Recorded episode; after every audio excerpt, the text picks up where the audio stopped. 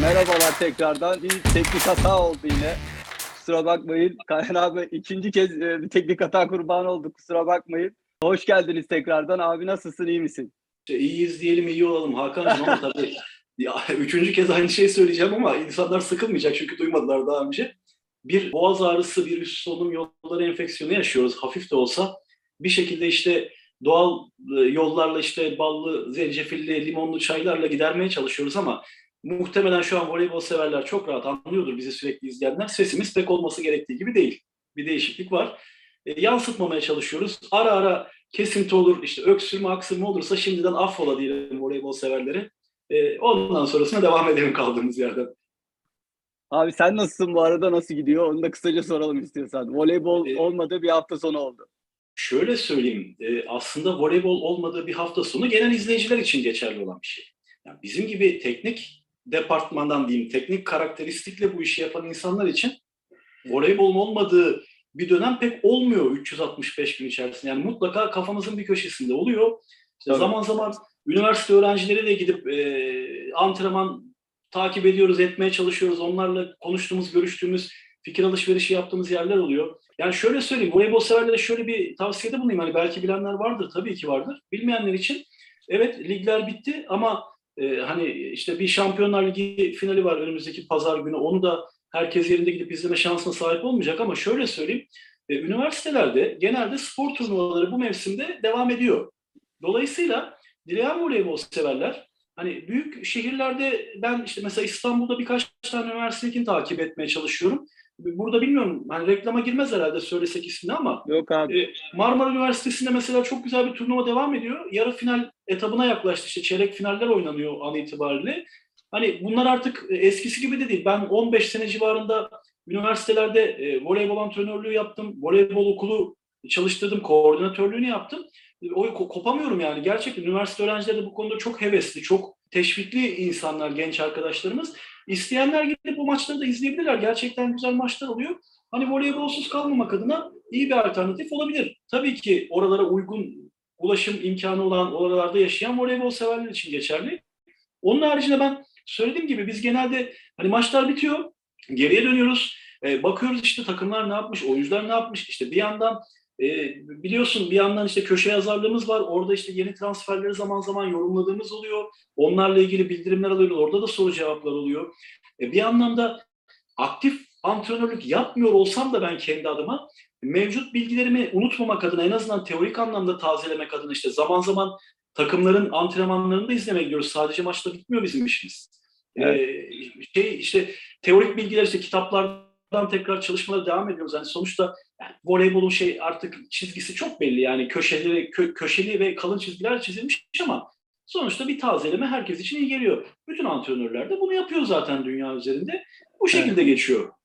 Abi o zaman hızlıca başlayalım istersen gelen sorulara. Çok fazla soru vardı. Ee, Ben bölüm bölüm ayırdım. Önce Fenerbahçe ile başlayalım. Dört tane sorumuz var. Ardından Beyazıtbaşı, sonra Vakıfbank, sonra milli takım bölümüne geçelim. Orada milli takım bölümü artık yakın yakın bizim bizi bekliyor. Çok önemli maçlar. Viyenerler başlayacak. Viyener etabı başlayacak. Abi ilk Ulaş Bedel'in sorusuna geçeyim ben. Fenerbahçe ile başlayalım. Fenerbahçe sizce nasıl bir yapılanmaya gitmeli diyor bu sezon? Gelecek sezon daha, daha doğrusu. Nasıl hamleler yaparak Vakıfbank'ın dominasyonunu bitirebilir? Aslında baktığımızda birçok transfer belli olduğu gibi gözüküyor. Magris, Aslı Kalaç gibi oyuncuları Fenerbahçe anlaştığı söyleniyor. Sen ne dersin abi bu konuda? Şimdi şöyle söyleyeyim. E, e, anladığım kadarıyla izleyicimiz Fenerbahçe Opet'ten bahsediyor. Evet. Yani şimdi genelde buradaki izleyici kitlesinin ekseriyesi yani bütün voleybol camiasında da ekseriyesi Fenerbahçe Opet'i kastediyor ama tabii Fenerbahçe maalesef bir daha üstüne basarak söyleyeceğim bir HDI sigorta gerçeği var.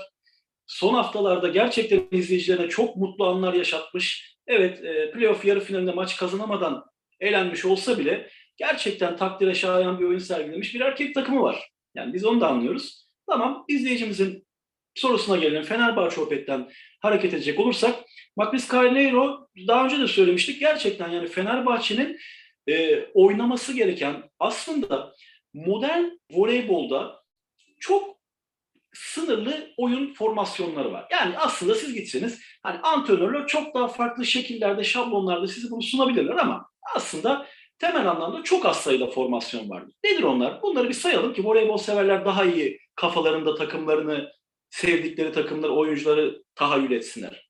Birincisi, bilinen en eski sistem ve o zamanlarki fizik kapasitesi farkından dolayı başarılı olduğu düşünülen Rus sistemi. Sovyetler Birliği döneminde neydi? İşte Sovyetler Birliği'ndeki oyuncular e, biz o zaman işte bir 75-80 civarı oyuncularla oynarken ki dünyanın çoğunluğu böyle. Şu anda Japonya hala öyle, Tayland hala öyle, Kore ona yakın. Yani ırksal bir gelişim farkından kaynaklı bunlarda. O dönemlerde 1.90'lık, 95'lik oyuncular daha iyi fizik gücüyle, daha fazla çalışarak, o komünist sistemin de getirmiş olduğu bir sporculuğun profesyonelliğiyle diğer dünyada voleybol amatör olarak görünürken tamamıyla pasörlerin köşelere attığı yüksek paslar, ortaya attığı yüksek paslarla oyuncuların kendi bireysel kapasiteleri ve fizik güçleriyle rakip bloklara geçip sonuca gittiği bir oyun tarzıydı. Yani şu an Rus takımlarının belki de tamamı dahil dünyada bunu oynayan kalmadı. Yalnız bunun çok güzel bir örneği var. Bir flashback yapalım, bir nostalji yapalım. Voleybol severler daha iyi hatırlasın. Ee, şimdi Fenerbahçe en son 2017'de şampiyon oldu. O tarihten beri şampiyonluğu yok.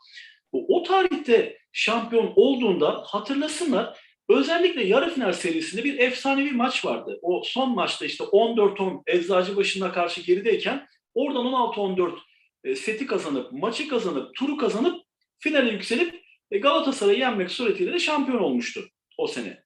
Şimdi o e, Eczacıbaşı karşısında geride olan o Fenerbahçe o zamana kadar orada belki de Fener Sarı Lacivertli kadın voleybol takımının tarihteki en hızlı oynayan, oynatan pasörü olan Taylandlı Nootsara Tomkom vasıtasıyla bir farklı oyun şablonu geliştirdi. İşte bu ikinci oyun şablonu bizim hızlı oyun dediğimiz iyi manşetler, akabinde pasörün hiçbir şekilde anten üst seviyesinin daha yukarısından gitmeyen, antene doğru uçan yahut da çoğunlukla iki numaraya tek ayaklı olan orta oyuncu ya da önden gelen orta oyuncu kısa kurşun yarma paslarla sonuca gittiği bir hızlı oyun sistemi ve günümüzde bunu daha önce de söyledik. En iyi oynayan ülkeler işte Amerika Birleşik Devletleri, Brezilya, Japonya, Çin diye saymıştık. Hani gittikçe de artabilir. Çünkü artık oraya doğru evrildi modern voleybol. E, onun haricinde işte bir e, oyuncuların kendi bireysel performansını maksimize eden yani hızlı girebilecek oyuncuya hızlı, hızlı giremeyecek oyuncuya o eskilerin 90'lık diye tabir ettiği anten üstü paslarla onun gücü kapasitesine bırakılan işte Zoran Terz için oynatmaya çalıştığı voleybol sistemi. Ya işte bunu Fenerbahçe Opet'te oynatmayı denedi Sırp çalıştırıcı. Sarı lacivertlilere göre başarısız bir sonuç aldı. Topa tutuldu amiyane tabirle. Sürekli eleştirdi, hala eleştiriliyor. Ama Sırbistan milli takımıyla yapmadığını bırakmadı. Üst üste Avrupa şampiyonlukları, dünya şampiyonluğu, olimpiyat finali. Yani daha nasıl bir başarıdan bahsedilir? Bu işte oyuncuların o takımdaki yerleşimi ve seçimiyle ilgili e, kusurları beraberinde ya da başarıyı beraberinde getirebilir. Sırbistan milli takımında bu seçimler başarılı oldu ama sarı lacivertlerde olmadı diyebiliriz. Eğer ki burada bir başarısızlık söz konusu olursa onu da sonra değerlendiririz. E, bununla birlikte e, Fenerbahçe Makris Carnero'yu getirdi. Tomcom'dan sonra yine sarı, sarı lacivertleri çok hızlandırabilecek bir pasör söz konusu. inanılmaz tecrübeli. Özellikle tek eliyle attığı öldürücü paslar var. Yani hani böyle o nazak yolu hatırlasın şimdi voleybol severler. Filenin üzerinden karşıya uçacak top. Nazak yol hiçbir zaman o riske girip tek elle pas ya da filenin üzerine biz ona şey deriz hani üste yatma deriz. Şöyle belinden bir parantez gibi pasörler fileye dokunmaksızın kollarını karşıya uzatırlar. Top henüz karşı sahaya geçmeden de antene doğru genelde uzar o paslar. Arkaya çok fazla çıkmaz. Yani nazak yol dedik o ne yapar? O riske girmediği için, o pası atamadığı için o e, sağ elinin dışıyla genelde köşelere, çizgilerin birleştiği yer diye tabir ederiz biz onu. Savunmasız bırakılan yerlerden sayı almaya çalışır. İşte Macris Carneiro ne filenin üzerine yatacak kadar fazla sıçrayıp da bir parantez oluyor ne Nazak yolun yaptığı gibi tek elle elinin tersini çevirip köşelere atıyor. Tek eliyle ister orta oyuncuya isterse köşe oyuncularının o pası bir şekilde uzatıyor. Mesela bunun yine bir güzel örneği Maya Onyanovic'in yani bir, bir insanın becerisinin çok ötesinde bir topla yani normalde parmak bas şekli şudur yaklaştıralım. Şöyle bir formasyon çıkar.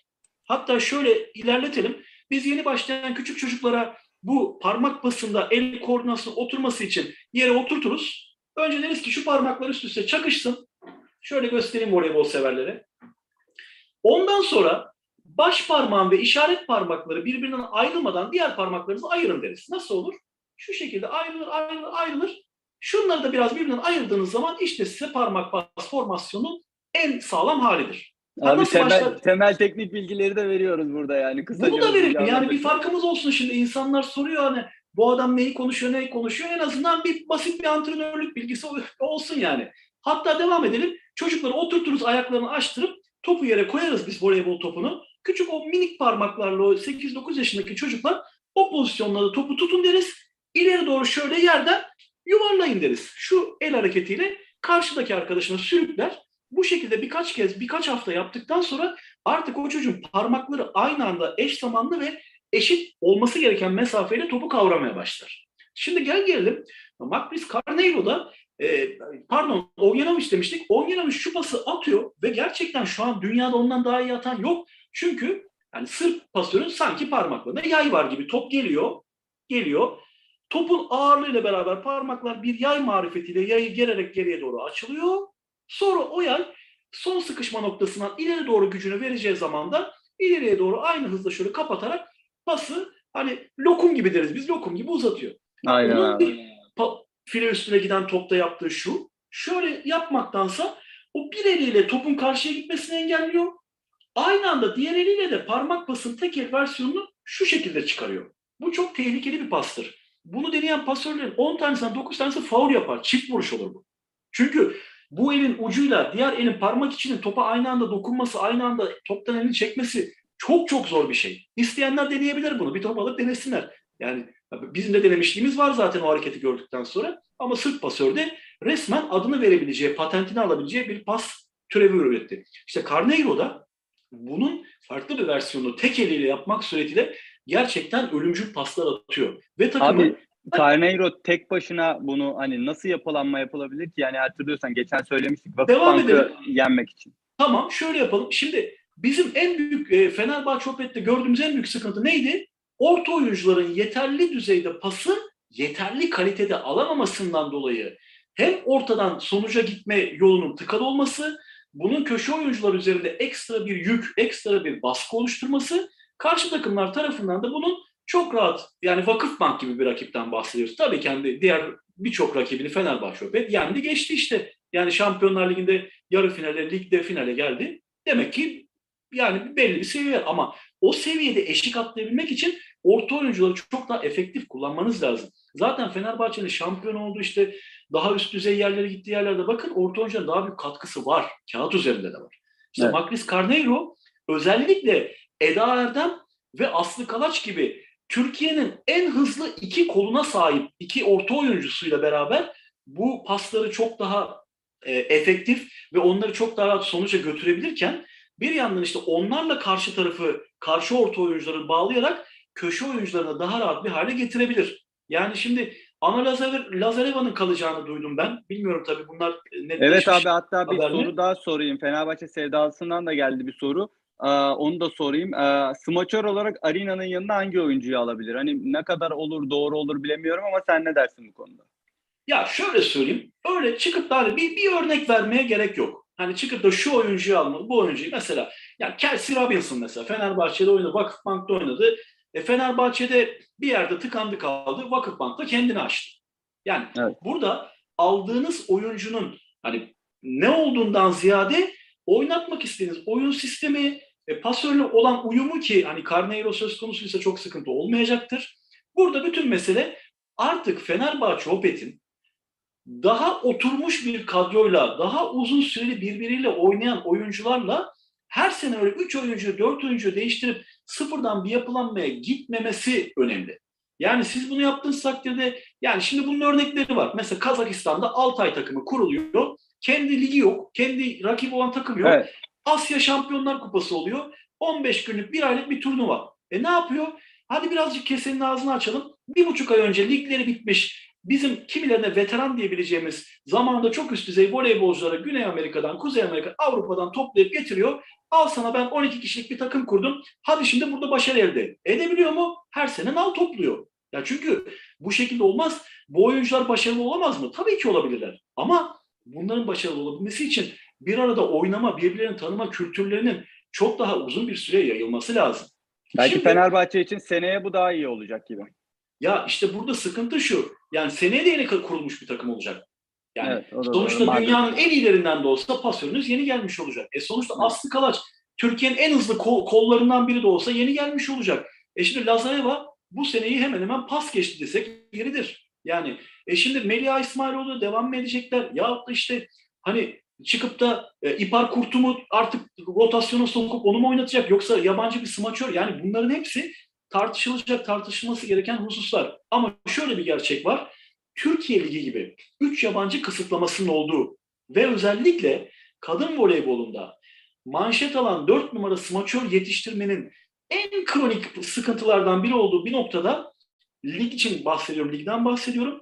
Yani siz çıkıp da yabancı hakkınızı pastörden, orta oyuncudan kullandığınız zaman yani geriye düşüyorsunuz otomatik olarak. Yani Vakıfbank'ın bu seneki en büyük artısı 3 köşe oyuncusu yabancı oynadı. Türk pasör, orta oyuncular yerli bu Evet. şekilde.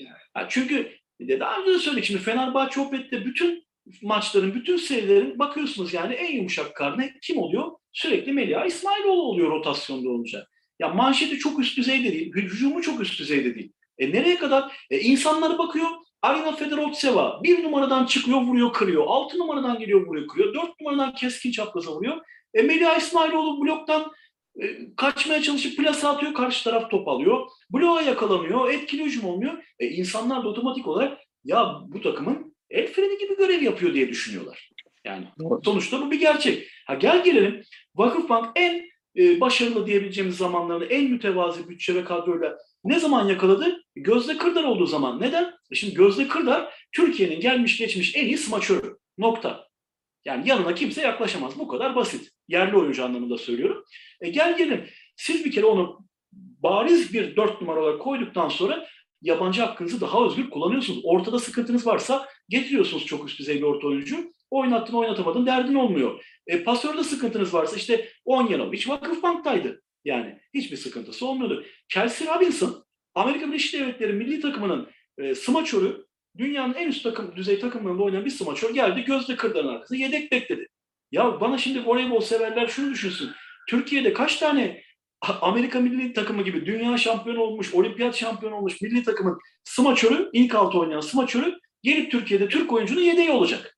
Evet, kolay değil abi. göre- O arada da biz başka soruya geçelim. Yani Fenerbahçe'yi aslında daha fazla konuşmak istiyoruz. Ee, çok fazla soru gelmişti. Ben aslında kısa olarak toparladım bu şekilde abi. Herhalde senin de dediğin gibi çok iyi, hızlı soruları cevaplamak isteriz ki çünkü çok fazla soru var milli takımla ilgili falan. İstiyorsan abi diğer soruya geçelim hemen. Hakan bir, bir parantez açabilir Tabii. miyim? Tabii abi Şimdi buyur. Fenerbahçeli voleybol severler şu an dinliyordur. Bilmiyorum hani oradan görünüyor mu ama ben inanıyorum Evet. şimdi dinlediklerinin sorudan sormuş. Şimdi 2018-2019'da Fenerbahçe Ana Antonijevic Sırp pasör. Melisa Vargas yine oynuyor. İşte o ilk geldiği zamanlar. E, Samantha Bricio. Imoko Evet. voley Corneliano Meksikalı smaçör gitti. Yani finali kıl payı kaçırdı. Zaten finale çıksa o sene Romanya'da Bükreş'te Vakıfbank'ı yenseydi şampiyon olacaktı. Evet. Sonra e, İtalya şampiyonu oldu vesaire. Şimdi gel gelelim. Karşısında Vakıfbank'ta o seneye kadar oturmuş 2-3 senedir takımda olan Zuting, Kelsey Robinson. 2019-2020 ki bu sene şampiyon çıkmadı. İşte Covid-19 ilk yaygınlaşıyor, Evet. tanınmıyor diye dünyada bütün spor etkinlikleri iptal edildiği bir sene. Evet. Devam edelim. Kelsey Robinson'ı Fenerbahçe aldı. Yanına Amerika Birleşik Devletleri milli takımına Jordan Thompson'ı koydu. Bak iki farklı köşe oyuncusuyla sıfırdan kurulmuş bir takım hüviyetinde bu. İstediği kadar Türk pasörü orta oyuncusu fark etmez. Eda Erdem 15 senedir Fenerbahçe'de örnek yani. Ama bir şey ifade etmiyor takım kurgusuna etkisi açısından. Evet doğru. Karşı tarafta Vakıfbank o sene olabilecek en iyi haliyle Gabriele Guimares'i Michel Başaklı'yı getirdi. Ee, o sene şampiyon belli olmadı. Ne olacağını bilemeyiz. Hani final serileri oynanmadı vesaire vesaire. Sonrasında 2020-2021 sezonu Fenerbahçe sanki oyuncular başarısız oldu, öyle oldu, böyle oldu derken ikisini birden gönderdi. Amiyane tabirle paketledi. Yani öyle konuşuyoruz artık çünkü sürekli değişiyor. Brankitsa Mihailovic Sırbistan milli takımıyla yakalamadığı başarı kalmamış. Müthiş güçlü, fizik kapasite üst düzeyli smaçör. Ee, yanında da yine milli takımdan köşe çaprazı Bianca Buşa. Evet. Vakıfbank ne yaptı? Gabriele Guimares, Michel Başaklı, Isabel Ak devam ikinci senesi. Sonuca gitti. bu sezon bu sefer Arina Fedorovseva, e, Melia İsmailoğlu köşesi geldi. Biraz önce başladı. Vargas devam ediyor. Bu arada Vargas demirbaş gibi aslında her sene var. Ama işte o sizin manşet alacak o topu pasörün kafasına kaldırıp optimal oyunu oynatacak düzeydeki smaçörleriniz burada önemli oluyor. Siz onlarla yine sonuca gidemeniz sona kadar geldiniz. Yine de bak bu bence büyük bir başarıdır. Fenerbahçeli voleybol severler katı, katılmayabilirler ama şu yenileme Vakıfbank aynı kadroyu devam etti yine sonuca gitti. Şimdi seneye büyük ihtimalle Isabel Hak takımdan ayrılacak. Kesinlikle Michel Barşaklı takımdan ayrılacak. Şimdi onları biri bir yedekleyecek. Şu an en üst düzey, en formdaki iki köşe oyuncusunu Vakıfbank getirip koyarak zaman kaybetmeden sonuca gitmeye çalışacak. Şimdi Fenerbahçe bunu her denediğinde hüsrana uğradı. Eğer şampiyonluğu kaybetmek hüsransa hüsrana uğradı. Böyle söyleyeceğiz. Şimdi gel gelelim. O zaman Fenerbahçe Opet şunu düşünecek. Ya bunu hani işte Fedorov Seva gibi daha 18'inde bir voleybolcu gelmiş. Yanına bir tane daha böyle genç 18-20'lik bir tane gelişim açık bir oyuncu koyalım. Hiç değilse bir manşeti olsun. Sonuç itibariyle yani hücum formasyonu, hücum zekasını geliştirirsiniz. Ama manşetini geliştirmek bir oyuncu için hiç kolay değil. Çünkü çok farklı bir teknik. Gerçekten yani hücum için 10 santim fazla mı sıçraması gerekiyor oyuncunun? Getirirsiniz sezon öncesinde ağırlık çalışmalarıyla, squat çalışmalarıyla, kasa üzerine atlama, sekme çalışmalarıyla bu şekilde onu geliştirirsiniz. Yani bakın mesela bugün sıçrama deyince insanların aklına NBA'deki basketbolcular geliyor. Bazı basketbolcular işte ilk çaylak sezonunda çıkıyor, televizyonlarda izliyoruz. Ya smaç yapamayan oyuncu iki sene sonra bakıyorsunuz o her sene All Star dedikleri şovda smaç yarışmasına katılmış. Evet. Geliştirirsin. Voleybolda da sıçramanı geliştirirsin. Kolunu hızlandırabilirsin, gücünü arttırabilirsin. Ama o manşeti geliştirmek olabilecek en zor şey.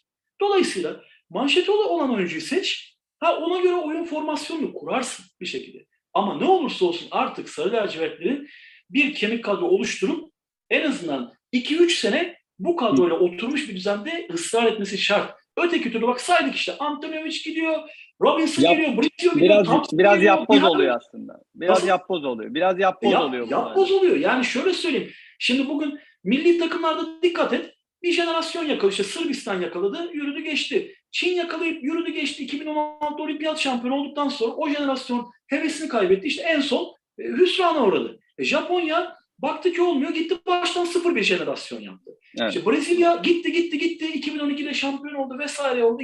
Ama ondan sonra olmuyor. Değiştirmek zorundasınız. Yani sonuç itibariyle her jenerasyonun dünyadaki her şeyin bir ömrü olduğu gibi bunun da bir ömrü var.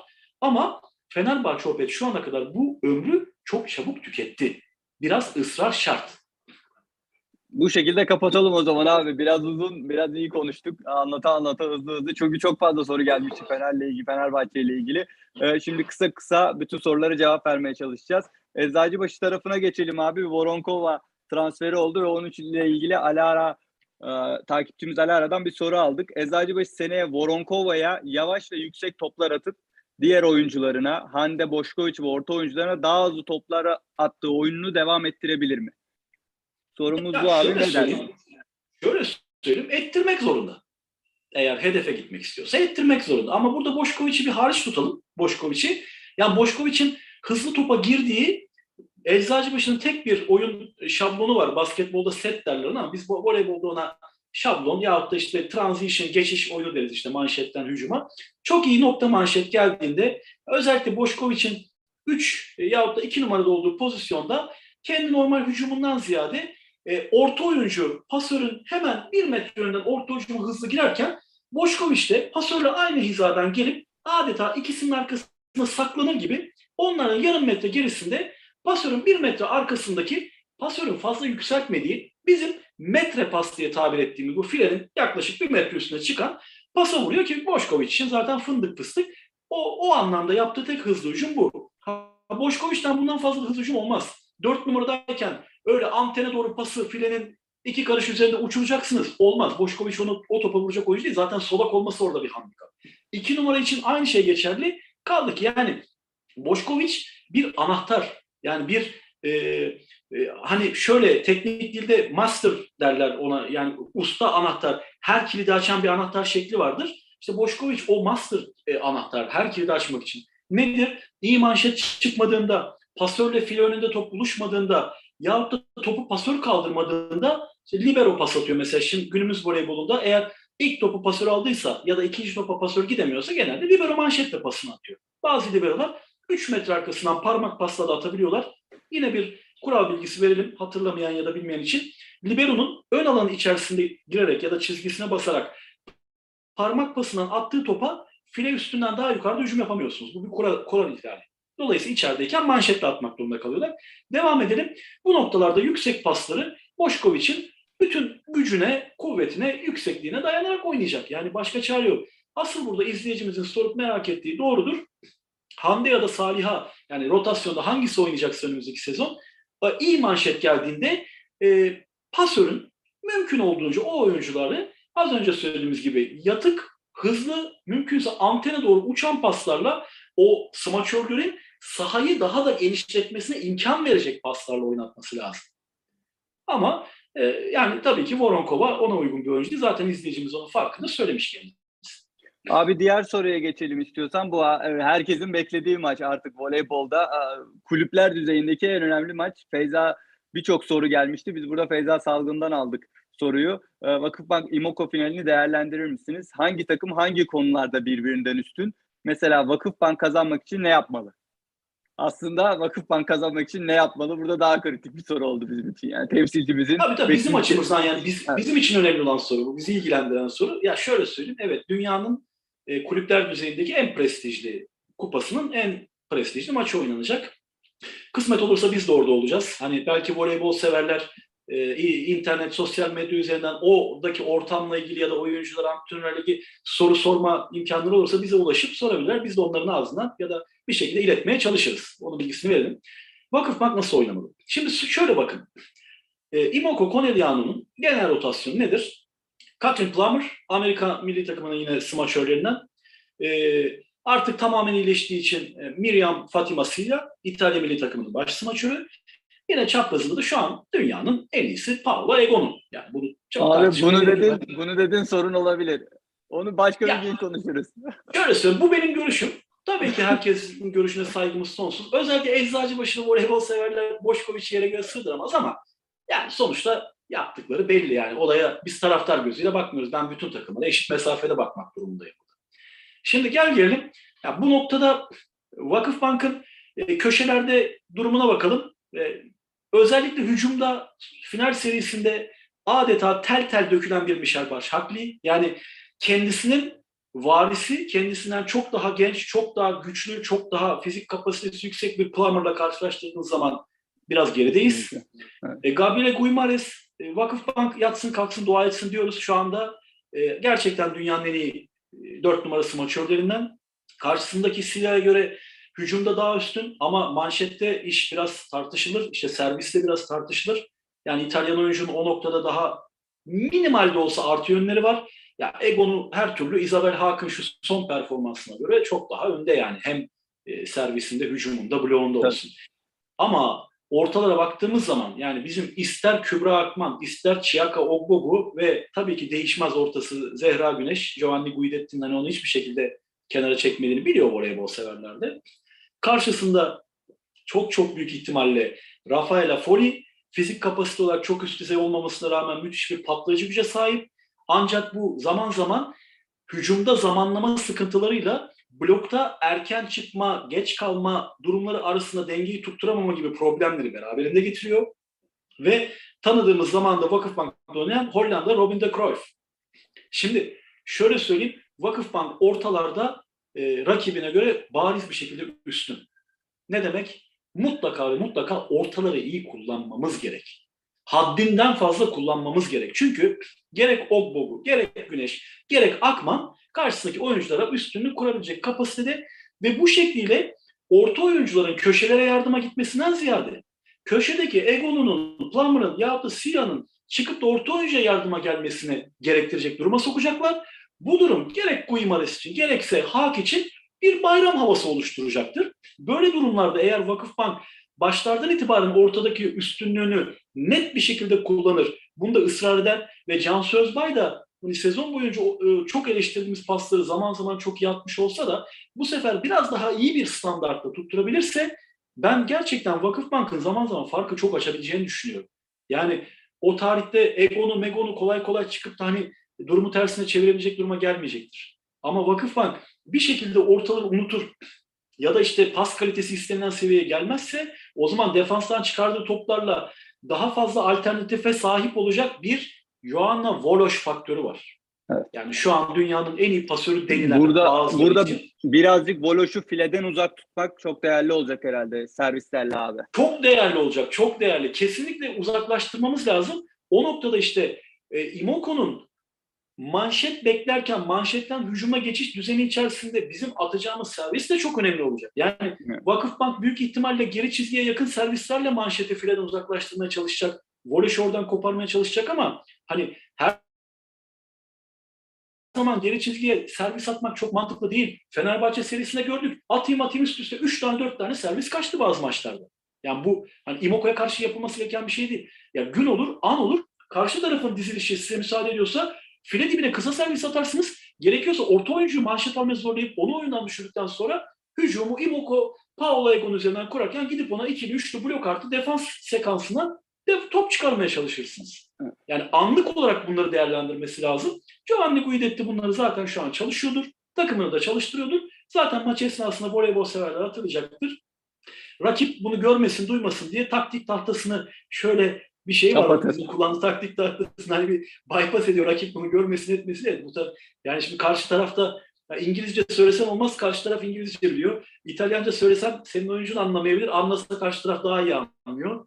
Yani e, Türkçe'de Giovanni Guidetti geçen işte e, Ömer'le beraber gittik son bir yayınladığımız bir içerik için.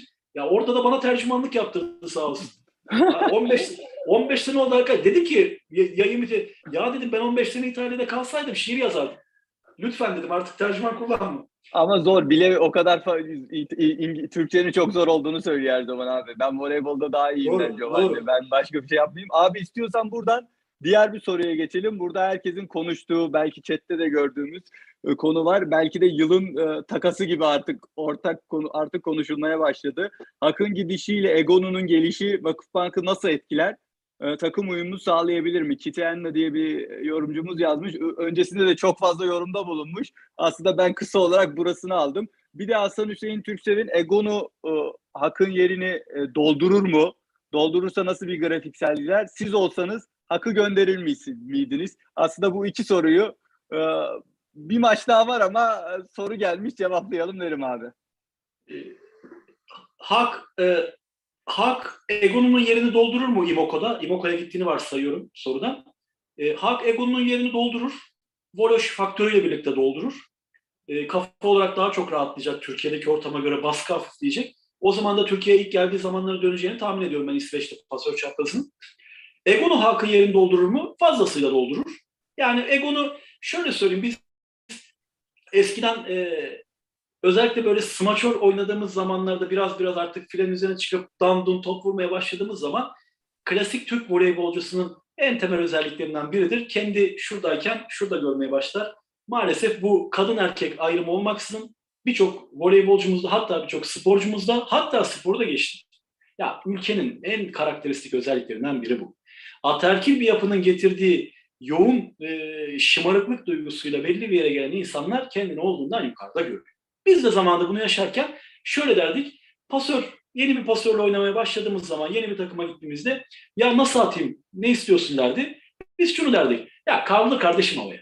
Kaldır, ben vurur geçerim. Niye? İşte bu. İşte Egon için bunu söyleyebilirsiniz. Kaldır havaya, o gereğini yapıyor. Aslen Boşkoviç de şu an Eczacıbaşı'nda çoğu zaman bunu yaşıyor.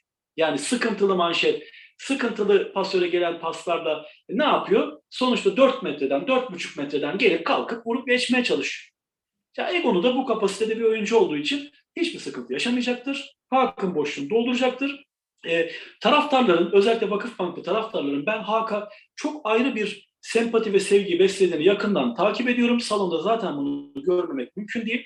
Ama Egon'u da sonuçta hani e, öyle bir seviyede olmasını getirdiği çeşitli egosunun üst düzey olması bir yana dursun taraftarlarla sıcak bağ kurabilen sempatik bir oyuncu aslında. Yani birkaç maçta canlı seyrettik. Hatta aynı ortamda bulunduğumuz oldu. Mix zone'da olsun, basın toplantısında olsun. Yani ben Vakıfbank taraftarların Egonu'ya da aynı sempati göstereceğini düşünüyorum. Teknik olarak da dediğim gibi Fazlasını yapar, eksini yapmaz. Gelelim, Bence Eczacıbaşı'nın bo işte Eczacıbaşı taraftarlarının Boşkoviç'e olan sevgisi Egonu'da da olacak diye söyleyebilirim oyunuyla kalitesiyle. Yani bu iş Tabii, birazcık tabii, sahada tabii. bitiyor. Fazlası bile olabilir. Bu Fazlası biraz bile sahada olabilir. bitiyor. Sahadaki performansta bitiyor bu birazcık. Ben gelelim ben Vakıfbank'ın antrenörü olsaydım Hakkı gönderip Egonu'yu alır mıydım? E, ben şuna bakardım. Sonuç itibariyle bu bir bütçe meselesidir. Size verilen bir büt- bütçe vardır. Ya bu bütçeyi de şöyle söyleyeyim. Egonu gibi bir tane transfer yapabilirsiniz. Ondan sonrasına paranız yetmez. Yani size verilen bütçe budur. Ya da Hakkı imkanınız varsa takımda tutup onun yerine iki tane oyuncu transfer edebilirsiniz. Farklı mevkilere. Bu pasör olur, orta oyuncu olur, smaçör olur. Hatta libero olur. Fark etmez. Ya böyle bir durumda sadece salt Egon'u gönder e, Haak gönderilip Egon'u alınır mı? Onunla o takas olur mu? Alır mıydı? Bunu bu kadar yüzeysel düşünmemek lazım. Takımdaki bütün parametreleri ortaya koyup bunu yoğun bir şekilde çalıştıktan sonra bütçeyle kıyaslamak suretiyle ortak müşterekte buluşturup ona göre bir transfer politikası izlemek lazım. Vakıfbank ve Giovanni Guidetti böyle bir politika izlemiştir. Sonuçta kendi takdirleridir. Abi bu bölümü de böyle geçelim. Vakıfbank'a başarılar dileyelim Şampiyonlar Ligi'nde. Aslında en çok gelen bölüme gelelim abi. Artık VNL başlamak üzere. Milletler Ligi kadromuz belli oldu. Zaten sorularda o minvalde geldi. Son dönemde birazcık tartışmalar oluyor. Sen ne dersin şimdi onları soracağım. Şeyma Küçük'ün bir sorusu. Milli takımda kadroda kim olmalıydı olmamalıydı dediğiniz isimler var mı? Sertaç Emir Sultan Köşeli de aslında haf- açıklandığı günden bu yana tartışılan bir konuyu sormuş. Gizem Örgen'in milli takıma alınmaması ile ilgili ne düşünüyorsunuz? Aslında bu konu çok tartışılıyor, çok fazla irdileniyor. Sen ne dersin abi? Belki benim de orada kısa arada cümlelerim olur. İki sorudan iki soruyu Sorulmayan sorunun cevabıyla başlıyorum. Aslan Ekşi, Halkbank pasörü. O kadroda olmalıydı. Efeler. Bu cevapları bekleyenler kadınları bekliyor farkındayım. Ben sorulmayan cevapları başlıyorum. Aslan Ekşi olmalıydı. Ben daha önce de bu konuyu konuşmuştuk. Sezon içerisinde hele ki final serisinde gösterdiği performans aslında o kadroda olmayı hak ediyordu. Arslan Ekşi, Reyli olan zaten e, en değerli oyuncu seçildi, hak etti. E, o tamam. Ama hani ben orada bir yadırgadım. Diğer erkek oyuncular bakımından her şey yerinde. Bir tek işte Efe Mandıracı yok. Muhtemelen sakatlığı düzelmedi. Yahut da Evet. düzeldiyse de hani oynayacak kapasitede olmadığı için riske etmek istemedikleri için öyle bir karar verdiler. Saygı duymak lazım. Kadınlara gelelim. Ee, benim olmasını istediğim, olması gerekir dediğim oyuncu. Az önceki seyircimizin sorusunu buraya eğer e, şablonlayabilirsek siz olsaydınız kimi çağırdığınıza herhalde evriliyor bu soru. Şöyle söyleyeyim ben. Bir kere Kübra Akman kesinlikle kadroda olmalıydı. Kübra Akman e, gerek final serisinde gösterdiği performans, gerek o ana kadar bunu daha önce de konuştuk. Yedek kalmasına rağmen işte milli takımda zaman zaman hani hiç rotasyonda yer almamasına rağmen hiçbir şekilde küsmedi. Yaşadığı bütün sıkıntılara rağmen hiç isyan etmedi. Takımdan ayrılmak gibi oynayacağım yere gideyim şöyle sıkıntı. Yani şöyle söyleyeyim Hakan biz işte yıllardır salonlardayız neler neler görüyoruz. Bir maçta bir set oynamayan önce bırak bir maç oynamayı vesaire çıkıp antrenörle sahanın ortasında kavga ettiği tartıştığı durumlar oldu. Kadını erkeği ayırt etmek için söylüyorum. Ama Kübra Akman gerçekten e, bir sporcunun bir profesyonel yapması gerektiği şekilde çalışması sürdürdü. Aslında mevcut performansı ve final serisinde gösterdiği randıman gerçekten o kadroda olmayı hak ettiriyordu. Şu anda Kübra Akman'dan çok daha gerideki oyuncular alındı o kadroya. Bunu söylememiz gerek. Seversiniz sevmezsiniz hak ediyordu. Gelelim Aslı Kalaç kesinlikle o kadroda olmalıydı. Hep söylüyoruz ya bizim ülkemizde zaten 4 numaraya smaçör yetiştirme sıkıntımız var kadınlarda. Orta oyuncu sıkıntısı da yavaş yavaş baş, baş gösteriyor. Yani şimdi tamam hani geriden bakıyorsunuz önce diyorduk işte Yasemin Güveli e, zaten 1-2 sezondur sakat daha çıkamadan gitti. E, Beyza Arıcı bu kadroda yer alan bir türlü istenilen hücum akışkanlığını kazanamıyor, kolunu hızlandıramıyor, hücuma hızlı gidemiyor. Zaman zaman blokta işte zamanlamayı tutturursa o yani çok hani bizim çok da çok e, beklediğimiz, bu yeterli dediğimiz bir nokta değil. E, kolu hızlı olan oyuncu sayısı sınırlı. E, Aslı Kalaş gibi bir oyuncunuz varken ki Aslı Kalaş'ın sadece kolun hızlı olması değil, bloktaki zamanlaması, köşe oyunculara yanal adımlama dediğimiz bizim yan yan bu basketbolcuların stensine benzer adımlama çalışmaları yapılır. Ya o noktada da en hızlı oyunculardan biri. Üstüne çok da iyi servis atıyor. Rakibi çok bozan servisler atıyor. Ben onun olmamasına gerçekten çok yadırgadım. Ya olan oyuncular onun yaptığını yapan oyuncular mı? Oynadıkları takımlara bakın. Oynadıkları e, süre boyunca yaptıkları işler, rakamlar ortada. Yadırgadım. Onun haricinde yine Gizem Örge zaten final serisi çok taze. En değerli liberosu seçilmiş. Milli takım kadrosunda yok. Yani bu artık sözün bittiği yerdeyiz Hakan. Yani bu gerçekten hani konuşmaya bile değmez bir durum artık. Bunun nesini tutacaksın, nesini eleştireceksin yani.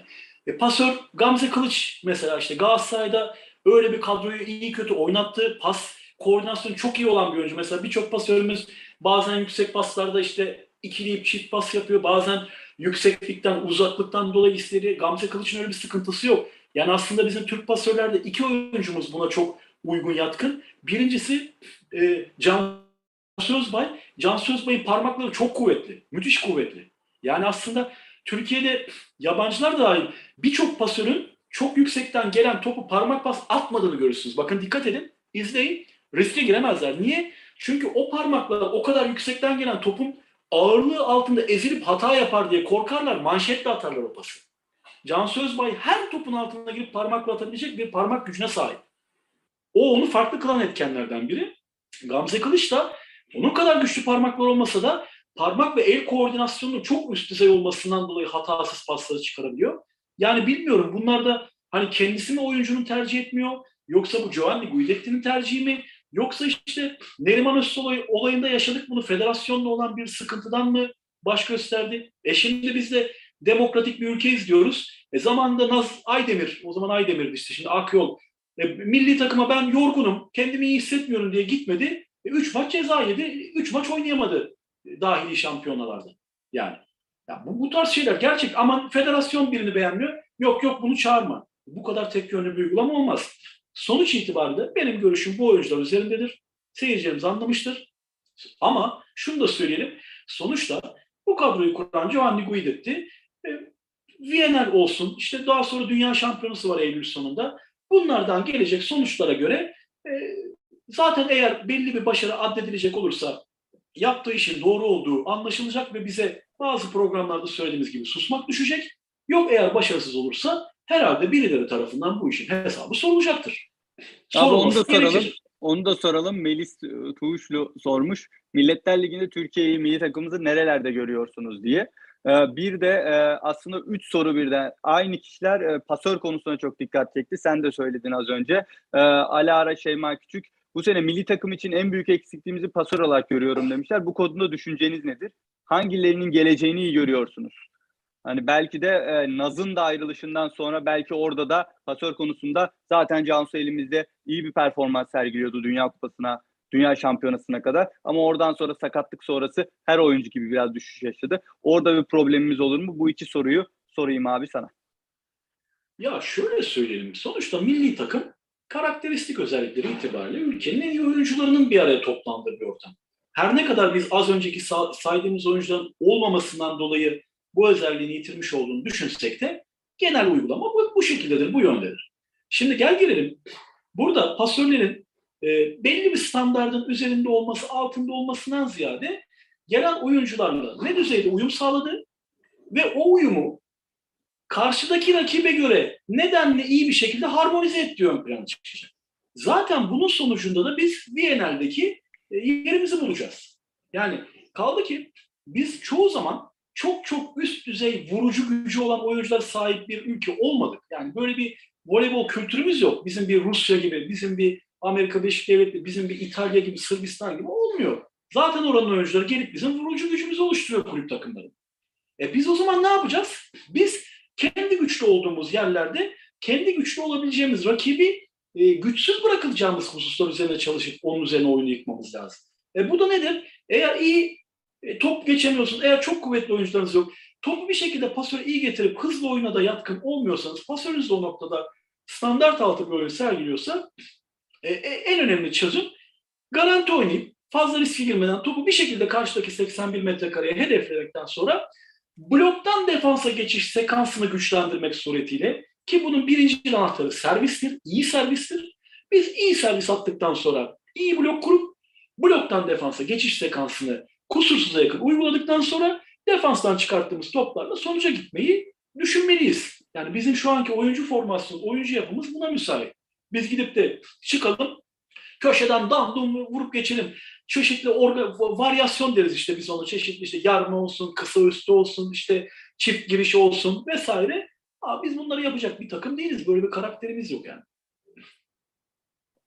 Bu şekilde abi. Ne dersin peki? Ee, ne ne ne ne yapabiliriz? Yani bir final görebilir miyiz? Çünkü hep bir son anda kaybetmişliğimiz var Milletler Ligi'nde. Tabii bu Milletler Ligi'nin şimdi çok önemli bir konusu da var. Olimpiyat e, konusuna ilk haftadan itibaren kazanılan puanlar olimpiyatlar için çok değerli olacak. Onun için İtalya milli takımı gibi birçok kulüp, birçok takım as oyuncularıyla gelecek buralara. O konuda da ne dersin abi? Finaller de Ankara'da olacak. Şimdi şöyle söyleyeyim. Şöyle söyleyeyim. Ya zaten biz finallerdeyiz yani ev sahibi olarak hani o kısmı çok Evet. tartışmaya gerek yok. O artık bizim bizi korkutacak bir husus değil. Ama senin de dediğin gibi FIVB e, takım ülkelerin sıralamasındaki puan uygulama esaslarını değiştirdi. 2020 yılından itibaren bunu yeni bir sistemle uygulamaya geçti. Öyle de Ee, bir soru bundan- gelmişti hem de onu cevaplamış oluruz. Onu da aradan cevaplayalım, çıkaralım izleyicimiz için. Şöyle söyleyeyim. Ya FIVB genelde kıta organizasyonlarını ve kıta federasyonlarını çok da takmayan bir kuruluş. Aslında SEV'le FIVB'nin çok ortak yanı var. Ben hep aynı şeyi söylüyorum. İkisi de ticari kuruluşlar. Yani voleybol aslında çok böyle üst düzey bir noktaya getirip yaygınlaştırıp sevdirmekten ziyade bir şekilde bunu yapıyormuş gibi izlenim sağlayıp aradan ticari faaliyetlerle e, parsayı götürme derdinde olanların kurduğu kuruluşlar. SEV de böyle, FIVB de böyle. Kimse kusura bakmasın şimdi yani. E, Gel, gel gelelim. FIVB diyor ki bundan sonra ben puan üstünlüğünü belirken, belirlerken şöyle bir sıralama yaptım. En yüksek puanlar ki bu puanlar yanlış anlaşılmasın maç faktörü olarak adlandırılıyor artık. Bu maç faktör puanının en yüksek olduğu organizasyonlar sırasıyla olimpiyatlar, dünya şampiyonası, Viyener, e, Avrupa bir- Şampiyonası. Challenger Cup var arada. Ondan sonra işte Avrupa Şampiyonası yani onu alabildik. Avrupa Şampiyonası derken kıta şampiyonası diyelim. Çünkü Evet. Orta ve Kuzey Amerika, Afrika'sı, Amerika'sı var, Güney Amerika'sı, Asya'sı var. Ondan sonra da en alt düzeyde de işte böyle e, en az dört takımın katıldığı resmi organizasyonlar falan demiş. Ama onların maç faktörü 10, 15. Dünya şampiyonasında Viyener'in 50, 45. Şimdi bu ne anlama geliyor? Şu anlama geliyor. İkinci soruyu açıklamak anlamında söylüyorum. Eskiden Viyener'de orada burada normal yaptığınız, aldığınız galibiyetlerin, mağlubiyetlerin çok bir kıymeti harbiyesi olmuyordu. Sonuçta geldiğiniz, finalde bitirdiğiniz noktada size bir puan atanıyordu. O puan o ana kadar son 3 sene boyunca topladığınız, 3 seneden öncesi hesaba katılmıyordu. O puan sizin puanınıza eklenip sıralamada yukarı aşağı hareket ediyordunuz. Biz şu an sıralamada neredeyiz? Erkeklerde dünya sıralamasında 18.yiz, kadınlarda 4. sıradayız. Zaten kadınlarda çok üst düzey bir yerdeyiz. Şimdi Evet. gel gelelim. Bu puanlar neye göre verilecek? Galibiyet mağlubiyete göre verilecek. Viyener'deki her bir maç için. Ama nasıl verilecek? Siz şimdi gittiniz İtalya'yı yendiniz. İşte 3-0, 3-1 yendiniz. Bizim puan sistemi nasıl? 3 puan. 3-2 yendiniz. Sana 2, kaybedene 1. Yok yenilirsen de tam tersi. Öyle değil. Bu puan sistemi şu. Sizin önce maç belirlendiği anda, örnek siz İtalya ile oynuyorsunuz. Sizin sıralamadaki, dünya sıralamadaki yerini alıyor. İtalya'nın dünya sıralamasındaki yerini alıyor. Bu iki takımın dünya sıralamasındaki yeriyle paralel olarak bir sonuç beklenti korelasyonu yapıyor. Nedir bu? Diyor ki ya Türkiye ile İtalya oynuyor mevcut sıralamalarına göre bu maç nasıl bitebilir? Ekseriyetle 3-2 Türkiye yenebilir, 3-2 İtalya yenebilir şeklinde bir sonuç çıkıyor ortaya. Bunun örnekleri var. İsteyenler internette bulabilirler. Bu şekilde biterse oynanan maç faktörünün büyüklüğüne de bağlı olarak sizin sıralama puanınıza çok minimal bir etkisi oluyor. Kazansanız da kaybetseniz de. Ancak şimdi Türkiye daha yukarıda, İtalya daha aşağıda demiştik. Türkiye 3-1 kazanırsa mesela 3-2'de diyor ki Türkiye 1.024 puan verilir, İtalya 1.024 puan azaltılır diyor kaybettiği için. Eğer Türkiye 3-1 kazanırsa diyor ki Türkiye 3-1 kazandı 1.686 puan eklenir. İtalya'dan 1.114 puan düşer. Yani İtalya'dan daha az puan düşer. Niye? Çünkü Türkiye yukarıda favori görünüyor. Türkiye İtalya'yı 3-0 yenerse o zaman işte orantısız bir şekilde Türkiye'nin aldığı puan hatırı sayılır bir şekilde arttırılıyor. İtalya'nın puanı düşürülüyor. E yarın öbür gün mesela biz işte Avrupa Şampiyonası Hırvatistan maçı oynadık Ankara'da. Ölüp ölüp dirildik neredeyse. Eleniyorduk orada. Yani Evet. Adı sana belli değil. Federasyonu bir ara kayyuma devredilmiş Hırvatistan'a eleniyorduk. E biz şimdi Hırvatistan'ı 3-2 yendik orada. Diyelim ki biz şimdi Hırvatistan'la yine bir maç yaptık 3-2 yendik. Ya bize puan vermiyor artık. Bizden puan düşüyor. Diyor ki kardeşim senin sıralamadaki yerin ne? Hırvatistan'ın sıralamadaki yeri oynadığın turnuvadaki maç faktörüne göre hesaplandığında onun bir formülasyonu var. Bu formülasyona göre senin Hırvatistan'ı 3-0 yenmen lazım. 3-1 yensen bile ben sana hani böyle eser miktarda derler ya öyle bir et- etki yaparım, artı yaparım bir işine yaramaz. Ama 3-2 yenersen senden puan düşürürüm diyor. Sen Hırvatistan'la 3-2 oynayamazsın. Ha es kazan sen Hırvatistan'ı 3-1 yenirdin. Vallahi sıralamada 4-5 basamak düşersin. Dolayısıyla aslında bizim Amerika Birleşik Devletleri, Japonya, işte Sırbistan, Brezilya gibi takımlardan ziyade zaman zaman çok sıkıntı yaşadığımız işte Güney Kore olimpiyatlarda elendiğimiz bir rakip. İşte zaman zaman işte kaybettiğimiz dünya sıralamasında 20. 25. sıradaki takımlar var. Zorlanıyoruz ediyoruz. Yani Kuzey Avrupa takımlar vesaire. O tarz maçlar daha önem kazanıyor. Neden? Biz dördüncü sıradayız, yukarıdayız. Artık bizim için e, normal galibiyetler çok da fazla bir anlam ifade etmeyecek o takımlara karşı. Mutlaka 3-0, 3-1 kazanmalıyız. Bazen 3-1 işe yaramayacak. Oynadığınız takımın sıralamasına bağlı olarak. Ha, erkeklerde tam tersi. 18.yiz. Gidip de bir turnuvada 12. sıradaki takımı yendiğimizde o bize çok büyük bir artı sağlayacak. Belki bir sıra yukarı çıkacağız. Belki bir turnuva sonunda 2-3 sıra çıkacağız. Şöyle söyleyeyim ben yaklaşık bir hesap yaptım. O formüle göre yaklaşık diyorum. Erkeklerde bir sene içerisinde oynayacağımız şampiyonalardaki derecelere göre 14. kadar yükselme şansımız var. Kadınlarda e, dördüncülükten hani üçüncülük belki ikincilik olabilir ama dediğim gibi çok fazla şey yapamayacağız. Çünkü yukarıdakilere 3-0-3-1 yenmemiz gerekecek oynadığımız her mecrada. Formül bu yani. Altındakilere net olacaksın. Altındakiler eğer senden bir şeyler koparırsa F5 de senden puan koparacak. Abi aslında her şeyi net olarak açıkladık. Ee, Onun için her maçın çok değerli ve kıymeti olduğunu görebiliyoruz aslında. Özellikle bizim aşağımızda olan takımlarla oynayacağımız maçlar çok değerli. Abi milli takım tarafını böyle kapatalım. Daha fazla da konuşabilirdik ama zamanı aşmayalım diye. Herkesin e, sorduğu diğer bir soru da Ebrar Karakurt. Abi e, onu sorayım yine. Feyza Salgın'dan bir soru gelmişti. Ebrar Karakurt'un İtalya Ligi'ndeki performansını aslında değerlendirmiştik. Bir kez daha deneyelim. Ebrar, Ebrar'a İtalya ne kattı?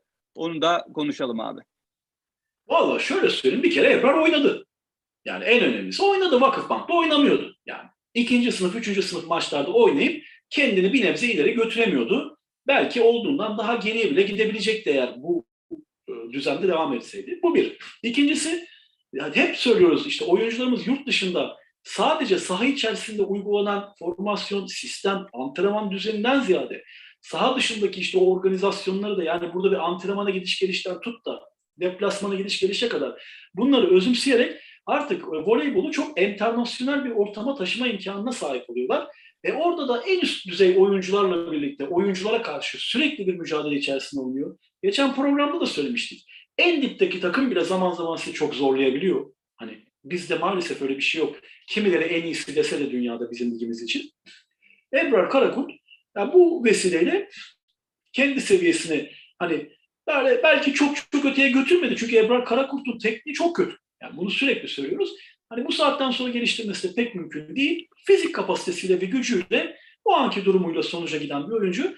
Bunun için de yapması gereken o seviyeyi koruyabilmek için o seviyede sürekli maç oynaması ve antrenman yapması. E, en önemlisi de psikolojik anlamda, mental anlamda kafasının huzurlu olması. Bunu daha önce seninle özel bir programda da konuşmuştuk yani. Türkiye'de olsaydı Ebrar Karakurt'un kafası bu kadar net olmayacaktı. Sürekli Kesinlikle. farklı yerlerden farklı talepler, farklı ortamlarda farklı şekilde eleştiriler, e, sporcu hayatının farklı alanlarındaki alanlara girip de genç bir sporcunun e, adeta hani hayatını bitirmeye uğraşırcasına yapılan acımasız yorumlar sonucu burada voleybol hayatında ben geriye gideceğini düşünenlerdim. Eğer burada kalsaydı daha önce de aynı şeyi söylemiştim. Ebrar Karakurt bence Türkiye'ye dönmemeli ama İtalya olur ama yarın öbür gün Rusya olur, Japonya olur, Brezilya olur fark etmez. Voleybolu o çizgide sürdürmesi için bence olmazsa olmazlardandır. Abi bu oyunu olarak da kendisini bence çok geliştirdiğini düşünüyorum. İzlediğim kadarıyla bu sene birçok maçını izledim. Ee, şu an ilk dönemine göre buradaki Türk Hava Yolları'nda da gayet iyi performans göstermişti. İtalya Ligi'nde kendini kabul ettirmesi bence çok değerliydi. Abi şöyle yapalım artık hani e, yayında uzattık. Ben son soru olarak sana yöneltilen bir soru. Senin Dream Team'ini sormuşlar aktif voleybolcularda ne derler ne der diye Kayan abim çok merak ettim. Sana da bu yayında da aktif aktif voleybolcular arasında. Aktif İstiyorsan aktif olmayanlar da söyleyelim. Evet, evet. Yok, o İstiyorsan işte aktif o- ona cevap vermek için bir- varsa. Şöyle ona cevap vermek için programın başında bana o soruyu soracaksın. Programın sonunda cevabı alırsın. O arada benim düşünmem Evet. lazım o kadar. Abi sen başlamadan Şimdi aktif- önce e, bir aynen sen başlamadan önce bir onu da es geçmeyelim dedim. İşitme engelliler milli takımlarımızı gerçekten hem erkek hem de kadın milli voleybol takımlarımız olimpiyat şampiyonu oldu. Aslında çok fazla konuşulması gereken bir durumdu. Bizim de belki hatamız var bu konuda. İki takımımıza da çok teşekkür ederiz. Belki onları ağırlayacağımız bir program yapabilir miyiz? Onun için de uğraşalım. Biz e, ekip olarak da bunu düşünelim. E, gerçekten e, gururlandırdılar bizi. Biz tekrardan tebrik ederiz başarıyla ilgili. Abi senin aktif voleybolcular driftimini alıp programı kapatalım. Tamam. Biz de tebrik edelim. Gerçekten işitme engelliler takımlarımız olimpiyat şampiyonu oldular. Ee, Bruno Rezen de pasör olarak Dream Team anlamında. Çaprazında Jean Patry. Ee, bilmeyen voleybol severler Sen erkeklerden Fransız- başladın abi. Evet evet biz de öyle yani kusura bakmasınlar biraz bekleyecek kadınları merak eden voleybol severler. Fransa milli takımının pasör çaprazı Jean Patry. Brezilya milli takımının efsanesi artık haline gelmiş Bruno Rezende. Tabii Ee, kesinlikle. Smaçörlerde Matthew Anderson yine Birleşik Amerikalı işte o da artık efsane seviyesine geldiğini söyleyebiliriz. Komplike. Ee, Küba tarihini yetiştirdiği en, en önemli üç voleybolcudan biri olduğunu benim iddia ettiğim Wilfredo Leon. Şu anda Polonya milli takımıyla ter döküyor. Polonya vatandaşı oldu. Gerçekten yani o inanılmaz bir seviye. Ortalarda da yine şöyle söyleyeyim. e, aynı takımda başlayıp Leon takım değiştirdi. O devam etti. Küba'ya affedildi. Geri döndü milli takıma. Bence dünyanın gelmiş geçmiş en iyi orta oyuncusu. Robert Landi Simonaties. E, Ben dünyanın gelmiş geçmiş en iyi orta oyuncusu olduğunu düşünüyorum. Çaprazında da e, Jan Kozamernik. Slovenya milli takımının orta oyuncusu. E, Benim a- altım budur. Libero olarak da da e, Rus kökenli Fransız milli takımı liberosu Jenia Gravennikov. Benim seçimim bu olurdu. Kadınları daha fazla meraklandırmayan voleybol severleri defalarca söyledik. Yani Maya Onyenovic bence dünyanın gelmiş geçmiş en iyisidir. Hani şu sadece şu anda oynayanların. Evet son yıllarda biraz düşmüş olabilir ama bence dünyada daha iyisi gelmedi. Çaprazında Paolo Egon'u şu an dünyada bir numara benim kanaatime göre. E, köşelerde Gabriela Guimares şu an ligimizde oynuyor işte Vakıfbank'ta ve hakikaten pik noktada yani bütün bir smaçör özellikleri itibariyle düşük fizik kapasitesine rağmen çaprazında Zhu Ting'i tercih ederim. E, Çin'in Çin'e, Evet, Çinli'ye benzemeyen fiziğiyle sürükleyici oyuncusu. Yani 1.98'lik bir smaçör eğilip de manşet alması vesaire. Ortada e, Henry Washington, Amerika milli takımının yine patlayıcı güç, e, çabuk kuvvet konularında ihtisaslaşmış bir milli takımın yetiştirdiği oyunculardan şu an işte İtalya'da o da. E, çaprazında şöyle söyleyeyim, voleybol severleri biraz şaşırtabilir ama ben Ana Stensel diyorum. E, Developers Rezov'da Vakıfbank'a karşı oynadı e, çeyrek final serisinde bu sene Şampiyonlar Ligi'nde. Gerçekten Polonyalı orta oyuncu müthiş bir aşama kaydetti. Gerek e, servisi, gerek blok zamanlaması, gerek orta hücumlarındaki el koordinasyon düzgünlüğüyle hani ben şu anda bir Dream Team'de rahat rahat oynayabileceğini düşünüyorum. İsim olarak daha fazla isim yapmış oyuncular akla geliyor olabilir. İşte özellikle İtalya'da olsun, Sırbistan'da olsun. Ama dediğim gibi şu an Stensel dünyanın her takımda oynayabilecek bir orta oyuncu olarak görüyorum. Libero olarak da yani bir- birçok dünyada birçok otorite aynı şeyi söylüyor zaten. Brenda Castillo yani o, o da yine şu an en iyi libero olarak sayabileceğimiz. Ha Monica De Gennaro işte pazar günü Vakıfbank'ın rakibi olacak e, Imoco'nun ve İtalya milli takımının liberosu ama yani Castillo an itibariyle daha iyi bir manşet defans kurgusuna sahip benim nazarımda. Abi çok teşekkür ederiz. Bir canlı yayın daha sonuna geldik diyelim. Teknik aksaklıklar falan oldu kusurumuza bakmayın. İnşallah Sev Şampiyonlar Ligi maçından sonra da yapmak istiyoruz ama orada Kayan abi maça gidecek. Orada durumu nasıl olur, ne olur, yapabilir miyiz bilemiyoruz ama olmadı. Canlı yayın olmadığı bir şekilde biz yine banttan olarak Sev Şampiyonlar Ligi'nde belki de sezonun son programını yapacağız artık. En önemli programını yapacağız. Daha sonrasında da artık Milletler Ligi dönemi başlayacak. Milli takım dönemimiz başlayacak. Ve Vakıfbank'a buradan tekrar başarılar diliyoruz. İnşallah umarım 5. kez Şef Şampiyonlar Ligi'ni kazanırlar. E, Gerçekten yürekten başarılar diliyoruz. Milletler Ligi'nde de filenin sultanlarına başarılar dileyelim buradan da. Çok sağ ol abi, çok teşekkürler. Her zaman olduğu gibi senin sözünle kapatalım. Voleybol dolu günler dileyelim. Hoşçakalın.